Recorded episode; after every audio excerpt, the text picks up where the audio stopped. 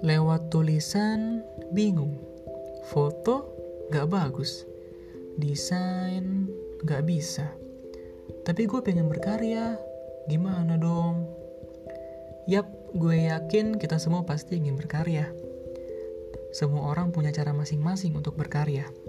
Sekarang, setiap bulannya Asanta akan hadir dengan cerita, motivasi, atau karya lainnya lewat suara. Teman-teman semua, welcome to Asanta Podcast. Enjoy.